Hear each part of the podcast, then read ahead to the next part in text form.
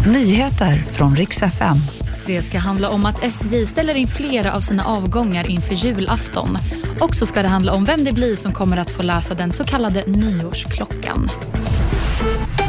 Vi ska börja med att SJ nu akut ställer in fler av sina avgångar inför julhelgen och anledningen är på grund av fordonsbrist. SJ vet inte i nuläget hur många resenärer det är som kommer att drabbas men enligt TV4 tros det handla om tusentals resenärer.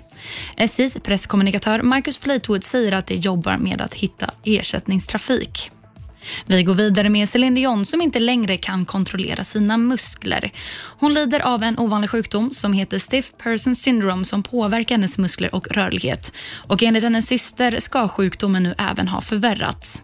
Céline Dion fick diagnosen förra året och behövde ställa in majoriteten av hennes framträdanden. Men enligt hennes syster hoppas hon fortfarande på en comeback. Slutligen ska det handla om att det blir skådespelaren Thomas von Brömsen som på nyårsafton kommer läsa den så kallade nyårsklockan på Skansen. Det här meddelar SVT i ett pressmeddelande. Programledarna för tolvslaget på Skansen kommer att vara Nicky Amini och Micke Leijnegard. Och Det var nyheterna och mitt namn är Moa Jonsson.